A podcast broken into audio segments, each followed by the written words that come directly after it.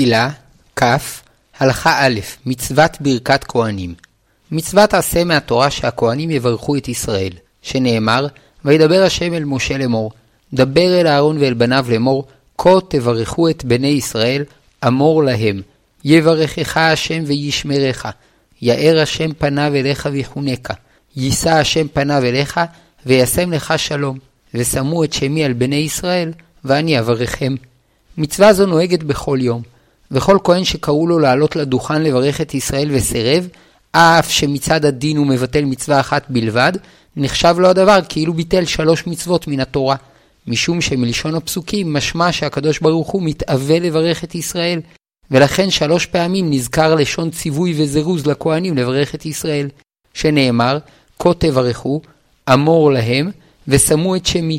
לפיכך, סירובו של הכהן לקיים את רצון הבורא ולברך את ישראל, נחשב כביטול שלוש מצוות מן התורה. ואף אם כבר ברך פעם אחת באותו יום את ישראל, אם קראו לו במניין אחר לעלות לדוכן, מצווה שיעלה ויברך פעם נוספת. אבל אם לא עלה, אינו מבטל מצוות עשה מהתורה. כתב בספר חרדים חידוש חשוב, שלא הכהנים בלבד מקיימים מצווה מהתורה בברכת כהנים, אלא אף הישראלים העומדים מולם בשתיקה ובכוונה, ועונים אמן אחר ברכתם, שותפים בקיום מצוות התורה. בברכת כהנים, אנו לומדים לשים לב לעובדה היסודית, שהקדוש ברוך הוא, הוא המעניק לנו את הברכה, וההתייצבות שלנו בכל יום לברכת כהנים, משרישה בקרבנו את האמונה הזו. וככל שנהיה מודעים יותר לעובדה שהקדוש ברוך הוא, הוא המברך את עמו ישראל באהבה, כך נהיה פתוחים ומוכנים יותר לקבל את הברכה. הבחירה החופשית היא יסוד העולם, ולכן הברכה שהקדוש ברוך הוא מברך אותנו, קשורה להשתדלות מצידנו, או כפי שהדבר מתבטא בלשון הקבלה, בהתערותא דלתתא, טליה התערותא דלעילא. כלומר, על ידי התעוררות הרצון שלנו לקבל את ברכתו, מתעורר רצון עליון להשפיע ברכה לישראל. על ידי קיום מצוות ברכת כהנים, עם ישראל מבטא את רצונו לקבל את הברכה האלוקית. תפילה, כ. הלכה ב' כוונת ישראל. בשעת ברכת כהנים, צריך כל אחד ואחד מישראל לעמוד מול הכהנים, ויכוון דעתו לברכה, ולא יביט בכהנים או בדבר אחר, כדי שלא יסיח את דעתו מהברכה. תקנו חכמים שכהן שיש בגופו דבר משונה, שעלול לגרום לאנשים להתבונן בו ולהסיח את דעתם מן הברכה, לא יעלה לישא את כפיו. לכן, לפני שנהגו הכהנים לכסות את פניהם וידיהם בטלית, כל כהן שהיה לו מום בפניו או בידיו, כגון שהיו בפניו בהרות מיוחדות, או שהיו אצבעותיו עקומות, לא היה עולה לדוכן. אבל היום, שכל הכהנים נוהגים לכסות את פניהם וידיהם בטלית, מום שבפנים או בידיים, אינו מונע את הכהן מלברך. אך גם היום, אם יש לכהן מום שניכר ברגלו, לא יעלה לישא את כפיו, שמא הדבר יסיח את דעת השומעים. ואם הוא תושב קבוע באותו מקום, כך שהמום שלו כבר לא מסקרן את האנשים, יכול הכהן בעל המום לעלות לדוכן, משום שמן הסתם הדבר לא יסיח את דעת השומעים. וכן מי שיש לו מבטא משונה, כגון מי שמבלבל את הגיית האות א' בהגיית עין, לא יישא את כפיו, משום שהדבר יסיח את דעת השומעים מן הברכה. אבל מי שמדבר במבטא המקובל, אף שאין מדגישים בו את העין והחטא כראוי, כיוון שמבטאו מוכר, אין הוא מסיח את דעת השומעים. וכן ביחס לכל המבטאים המוכרים, אשכנזי, תימני וכיוצא בזה, שהואיל והם מוכרים, אינם מסיחים את הדעת. ורק מי שממש מבלבל או משבש את ההגיות מעבר למקובל, או שהוא מגמגם מאוד, לא יישא את כפיו. בכל אופן, למדנו מדינים אלו עד כמה צריכים השומעים לכוון בברכת כהנים, שתיקנו חכמים שכל כהן שיש בו דבר שעלול לבטל אותם מכוונתם, לא יעלה לדוכן. תפילה, כ. הלכה ג' מקום עמידת המתברכים. בשעה שהכהנים מברכים, צריכים המתברכים להימצא מולם, שנאמר, כה תברכו את בני ישראל, אמור להם. ודרשו חז"ל שברכת כהנים צריכה להיות כפי שאנשים מדברים עם חבריהם שעומדים פנים כנגד פנים ומדברים בקול רם שכל המתברכים יוכלו לשומעם.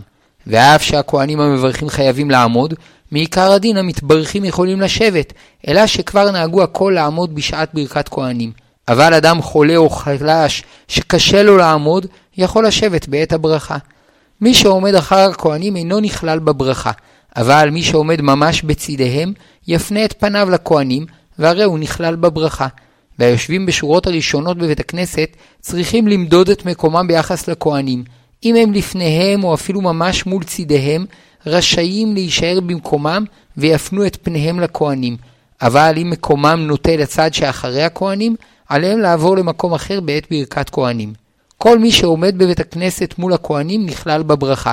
ואפילו אם עומדים לפניו אנשים גבוהים שחוצצים בינו לבין הכהנים, או שלפני מקומו יש עמוד שחוצץ בינו לכהנים, הואיל והוא נמצא בצד שמול פניהם, הרי הוא בכלל הברכה.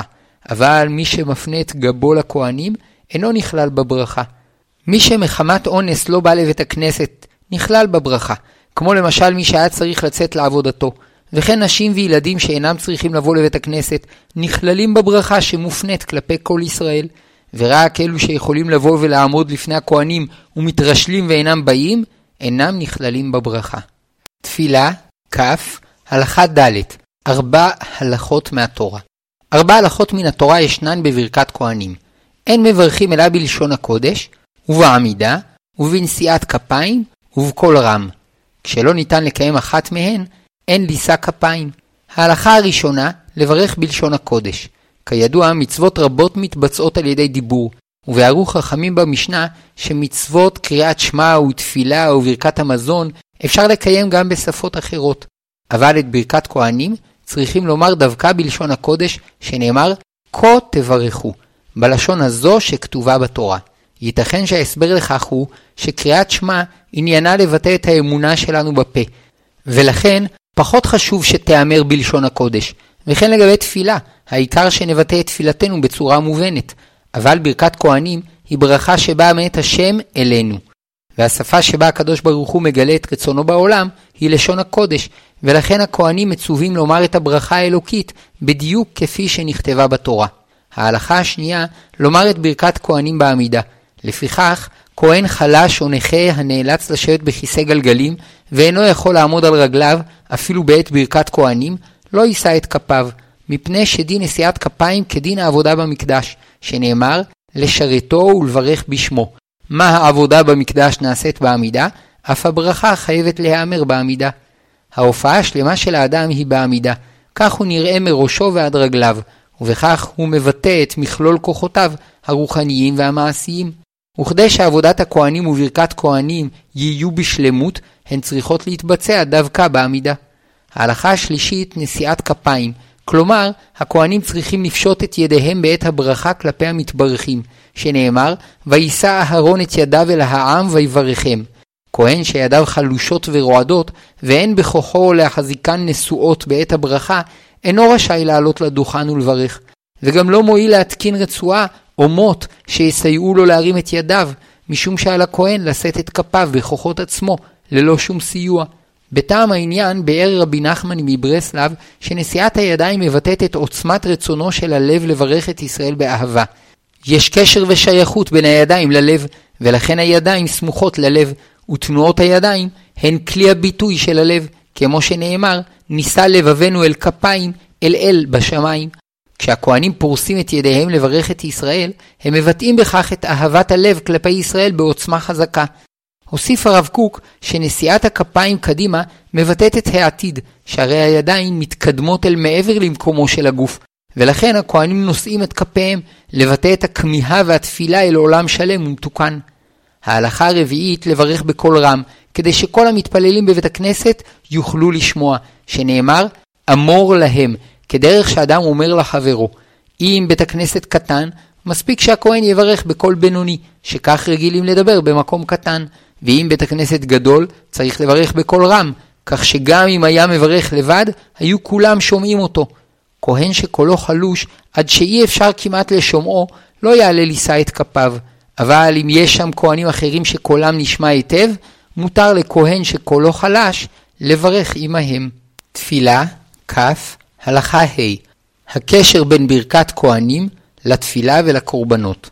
בזמן שבית המקדש היה קיים, היו הכהנים מברכים ברכת כהנים לאחר סיום עבודת הקורבנות, וכך נאמר בתורה על היום השמיני של חנוכת המשכן, היום בו התחילו הכהנים לעבוד במשכן.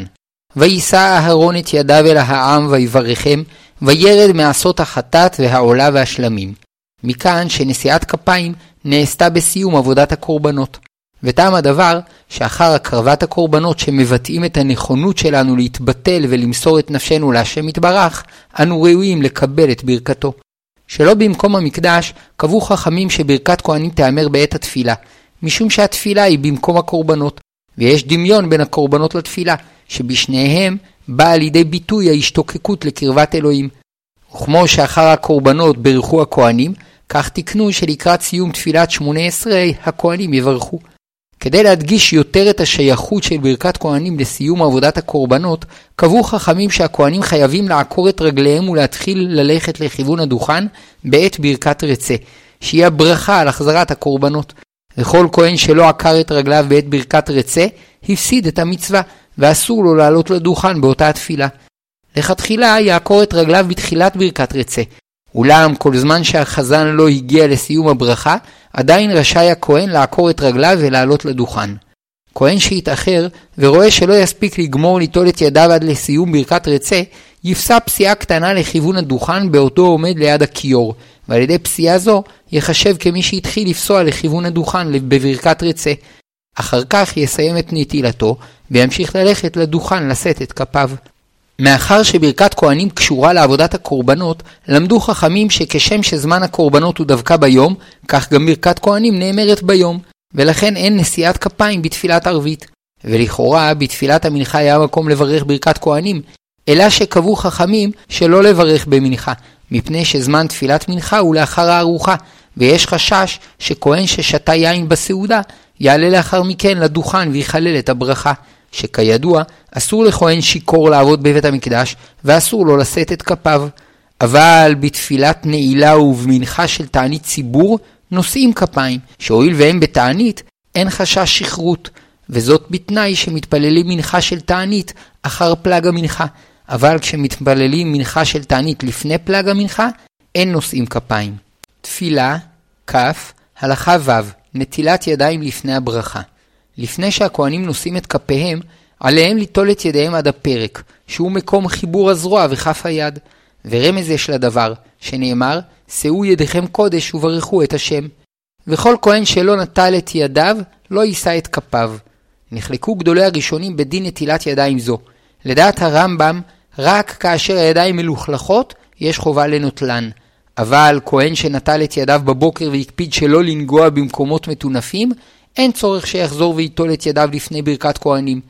ולדעת רש"י ובעלי התוספות, גם אם הידיים נקיות, צריכים לנוטלן ולקדשן לכבוד ברכת כהנים. למעשה הם מחמירים, וגם כהן שידיו נקיות, צריך ליטול את ידיו לפני ברכת כהנים, כדעת רש"י ותוספות. אבל אין מברכים על הנטילה, ואפילו אם נגע לפני כן במקומות מטונפים, משום שיש ספק אם תקנו לחכמים ברכה.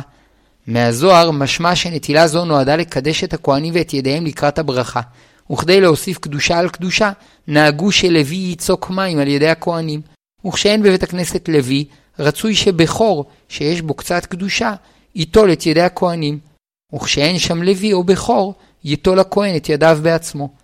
כאשר הכהן חושש שמא לא יהיו לו מים בבית הכנסת ולא יוכל ליטול את ידיו לפני נשיאת כפיים, ייטול את ידיו בביתו לפני התפילה, ויקפיד לשמור אותן בנקיות, וכך יוכל לשאת את כפיו. אבל אם הכהן לא נזהר בשמירת ידיו לאחר נטילת ידיים של שחרית, ולא היו לו מים לנטילת ידיים לפני ברכת כהנים, לא יעלה לדוכן לשאת את כפיו. בכל מקרה שהכהן אינו רשאי לשאת את כפיו, רצוי שיצא מבית הכנסת לפני זמן ברכת כהנים, כדי שהגבאי לא יטעה לקרוא לו לעלות לדוכן בשעה שאינו רשאי לעלות. ואם יהיה שם ולא יקראו לו, יש לחוש שמא יערערו אחריו שנפסל לכהונה. תפילה, כ. הלכה ז. שותפות ישראל בברכת כהנים. כשמגיע זמן ברכת כהנים, אין הכהנים רשאים להתחיל בברכתם עד שהחזן או הגבאי יכריז כהנים, משום שנאמר למשה בתורה, אמור להם, כלומר, משה, שאינו כהן, צריך לומר לכהנים לברך את ישראל. ומכאן למדו חכמים שתחילה יש לקרוא כהנים, ורק לאחר מכן יתחילו הכהנים בברכתם. ואם רק כהן אחד עולה לדוכן, אין מכריזים כהנים, משום שנאמר בתורה, אמור להם, משמע שרק כאשר ישנם לפחות שני כהנים מכריזים כהנים. ויש שלמדו מכך שעיקרה של ברכת כהנים הוא כאשר יש לפחות שני כהנים. גם את ברכת הכהנים עצמה אין הכהנים אומרים מעצמם, אלא החזן מקריא להם מילה מילה, והכהנים חוזרים אחריו. ויש טועים ומקריאים בקול חלש, ואינו נכון, אלא צריך שקולו יישמע בבירור לכהנים, ויהיה חלש במעט מקולם של הכהנים. והקהל עונים אחרי כל פסוק, אמן. כבר למדנו שבהתערותא דלתתא, טליה התערותא דלעילא. כלומר, כאשר ברא הקדוש ברוך הוא את העולם, קבע שהבחירה החופשית תהיה יסוד מרכזי, ולכן רק לאחר שאנחנו מתעוררים מלמטה לרצות דבר חיובי מסוים, מתעורר כנגד זה רצון מלמעלה לסייע לנו לזכות באותו הדבר. לכן, צריך שתחילה אחד מהישראלים המתברכים יכריז כהנים, ובזה יביע בפיו את הרצון שלנו לקבל את ברכת השם, ורק אז יתחילו הכהנים בברכתם. וגם אחר כך, החזן צריך לקרוא תחילה כל מילה ומילה, ועל ידי כך יבטא את רצוננו בכל פרט ופרט בברכה. ולאחר מכן חוזרים הכהנים על אותה מילה, והקדוש ברוך הוא משפיע עלינו את ברכתו. תפילה, כ. הלכה ח' חובת חליצת הנעליים לפני הברכה. אחת מתשע התקנות שתיקן רבן יוחנן בן זכאי, שחי בתקופת חורבן בית המקדש השני, נוגעת לדין נשיאת כפיים. תקנתו היא שהכהנים לא יעלו לדוכן לשאת את כפיהם כשלרגליהם סנדלים או נעליים. אחד הטעמים לתקנתו משום כבוד הציבור, שאין זה יאה שהכהנים יברכו את העם כשלרגליהם הנעליים שבהם יתהלכו ברפש. וכן עבודת הכהנים בבית המקדש הייתה ללא נעליים, משום קדושת המקום, שאין ראוי שידרכו עליו בנעליים. והנימוק ההלכתי שחששו שאם יהיו שרוכים לנעליים, עלולים השרוכים להיפתח, ותהיה בזה אי נעימות, הואיל והכהן עומד על הדוכן שהוא מקום גבוה וכל העם רואים אותו, וכדי להסתיר את חרפתו, יתכופף לקשור את נעליו, ויחשדו בו שאינו כהן, ולכן הוא מתכופף ונמנע מלשאת את כפיו. על פי הטעמים הללו, אין לעלות לדוכן עם נעליים או סנדלים שהולכים בהם ברחוב, וכן אין לעלות לדוכן בנעלי בית שיש להם שרוכים. ונעלי בית שעשויות אור, אפילו הן בלא שרוכים, אסור לעלות בהן לדוכן, משום שסתם נעל עשויה אור, וכל נעלי האור נאסרו בתקנת רבן יוחנן בן זכאי. אבל בנעלי בית שאינן עשויות אור ואין להן שרוכים, מותר לעלות לדוכן. במקום שאין רגילים לבוא בפני אנשים מכובדים יחפים או בסנדלים בלא גרביים, ראוי שהכהנים יעלו לדוכן עם גרביים לרגליהם. ובמקום שגם בפני אנשים מכובדים נוהגים ללך בסנדלים ללא גרביים, מותר לשאת כפיים יחפים. לעתים מתעוררת שאלה, מה יעשה כהן נכה שאינו יכול לחלוץ את נעלו, וכן מה יעשה כהן בצבא כשאין לו זמן לחלוץ את נעליו הצבאיות. במקרים כאלו של שעת הדחק, ישנם פוסקים שמקילים לכהן שיישא את כפיו ויעמוד על קרקע בית הכנסת ולא יעלה לדוכן. כי יש סוברים שכל התקנה היא דווקא שלא לעלות לדוכן בנעליים, משום שהדוכן הוא מקום גבוה, ואז הרגליים והנעליים של הכהנים נראות היטב ויש בכך גנאי. אבל אם הכהן עומד על הרצפה בגובה שווה לשאר הציבור, אין איסור לשאת כפיים בנעליים. בשעת הדחק יכולים הכהנים לסמוך על הפוסקים הללו ולברך את ישראל בנעליים שלא על גבי הדוכן, ובלבד שהנעליים יהיו נקיות. תפילה, כ. הלכה ט' תפקיד הכהנים בנוסף לעבודת הקורבנות בבית המקדש, היו לכהנים שני תפקידים עיקריים. האחד, לחנך ולהורות הלכה בישראל, וכפי שנאמר, כי שפתי כהן ישמרו דעת, ותורה יבקשו מפיהו. והשני, להיות אנשי חסד ושלום, כאהרון הכהן, שהיה אוהב שלום ורודף שלום, אוהב את הבריות ומקרבן לתורה.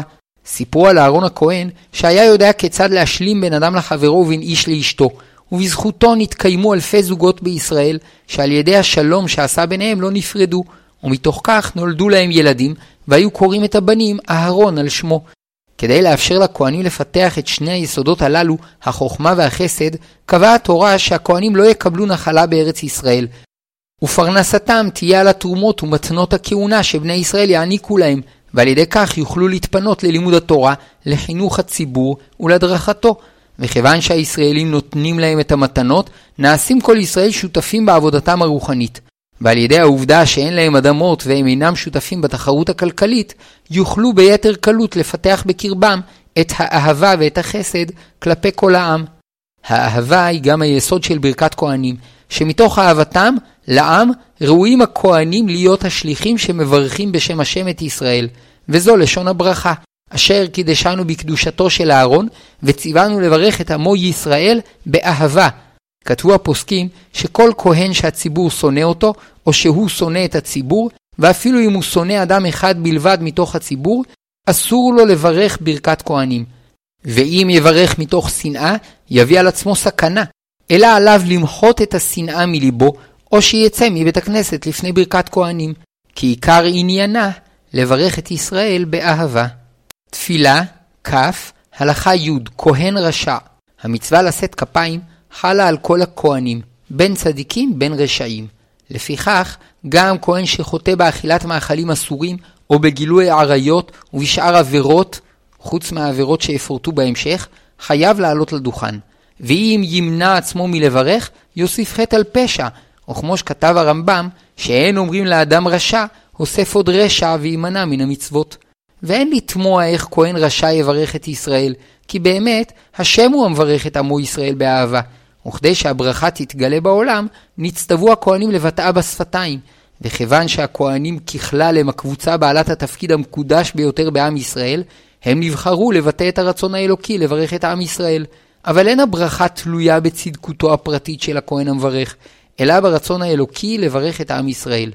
אבל אם חטא הכהן בחטאים הפוגעים בכהונתו, כגון שנשא גרושה, או שאינו נזהר מלהיטמא למתים, אסרו עליו לעלות לדוכן, והטעם שהואיל ואיסורים אלו נועדו לשמור על קדושתם המיוחדת של הכהנים, החוטא בהם פוגע בכהונתו, ולכן כנסו אותו חכמים שלא יוכל לעלות לדוכן, וכן תיקנו שלא יעלו אותו לתורה בעלייה הראשונה המיוחדת לכהנים. ואם יחליט לחזור בתשובה, עליו לגרש תחילה את אשתו, ולדור נדר על דעת רבים שיותר לא יישא נשים שאסורות עליו, ולאחר מכן יוכל לחזור לישא את כפיו. וכן אם היה רגיל להיטמא למתים, עליו לקבל על עצמו ששוב לא יטמא למתים. כהן שעבד עבודה זרה, נפסל מלברך ברכת כהנים, ולומדים זאת מדין עבודת בית המקדש, שכשם שכהן שעבד עבודה זרה פסול מעבודת בית המקדש, כך הוא פסול מלשאת את כפיו. אבל אם חזר בתשובה שלמה, יוכל לחזור ולשאת את כפיו. ישנם פוסקים שמשווים את דינו של מחלל שבת בפרהסיה, היינו בפני עשרה יהודים, לדין עובד עבודה זרה, שאסור לו לעלות לדוכן, וכן פסק בעל המשנה ברורה. אבל לדעת כמה מגדולי האחרונים, מכמה טעמים, גם כהן שמחלל שבת יכול לעלות לדוכן. ראשית, מפני שלא ברור שאכן דין מחלל שבת כדין עובד עבודה זרה. שנית, יש לחלק בין מחללי שבת בימינו למחללי שבת בזמנים שעברו. בעבר, כל מי שחילל שבת בפרהסיה, הפנה בכך עורף ליהדות תוך התרסה כנגד התורה והמצוות. אולם כיום, מחללי השבת אינם מתכוונים להכעיס, ואפילו אם הם מחללים שבת בפרהסיה, הם עושים זאת מחוסר אמונה ולימוד, ולכן, כהן שמחלל שבת שלא במטרה לחלל את שם השם ולפגוע בתורה, יכול על פי הדעה המקילה לעלות לדוכן. אבל כהן שמחלל שבת להכעיס, כגון כהן שמשתתף בארגון אוטובוסים בשבת, או שמפגין בעד פתיחת בתי עסק ובתי קולנוע בשבת, כל זמן שלא חזר בתשובה, הרי הוא כעובד עבודה זרה, ופסול לעלות לדוכן. תפילה, כ, הלכה י"א, כהן שהרג, פסול לדוכן. כהן שהרג את הנפש, לא יישא את כפיו, שנאמר, ובפריסכם כפיכם, אעלים עיניים מכם, וכולי, ידיכם דמים מלאו. כלומר, רק ידיים שנקיות מדם, כשרות לברכת כהנים. דומה הדבר למזבח, שאין להכין את אבניו בעזרת ברזל, משום שהברזל מקצר את ימיו של האדם, ואילו המזבח נועד לעשות שלום ולהאריך את ימיו של האדם. וכן כהן שידיו מגואלות בדם, אינו יכול לשאת את כפיו ולהשפיע על עם ישראל ברכה ושלום. תפקידו של הכהן להוסיף חיים וחסד, כמו אהרון הכהן, שהיה אוהב שלום ורודף שלום, וכהן שהרג, פגם ביסוד כהונתו. לדעת השולחן ערוך, שום תשובה לא תועיל לכהן שרצח את הנפש, ואפילו אם הרג בשגגה, לא תועיל לו תשובה, משום שאין קטגור נעשה סנגור, וידיים שהרגו אדם פסולות לעולם לנשיאת כפיים של ברכת כהנים. אולם לדעת הרמה, אם הכהן יעשה תשובה שלמה, וילך אצל חכם שיסדר לו סדר תשובה בתעניות וצדקות וקבלה לעתיד, אזי לאחר גמר תהליך התשובה, יוכל לשוב ולישא את כפיו.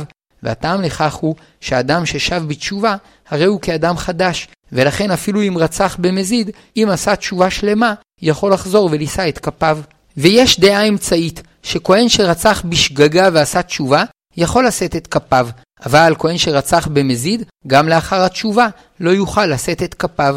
למעשה, כהן שהרג את הנפש בשוגג או במזיד, ילך אצל רבו שידריך אותו בסדר תשובתו, ויורה לו אם אחר כך יוכל לשאת את כפיו. גם כהן שדרס בשגגה אדם למוות, פסול מלעלות לדוכן לברכת כהנים. וכאמור, נחלקו הפוסקים אם תועיל לו תשובה.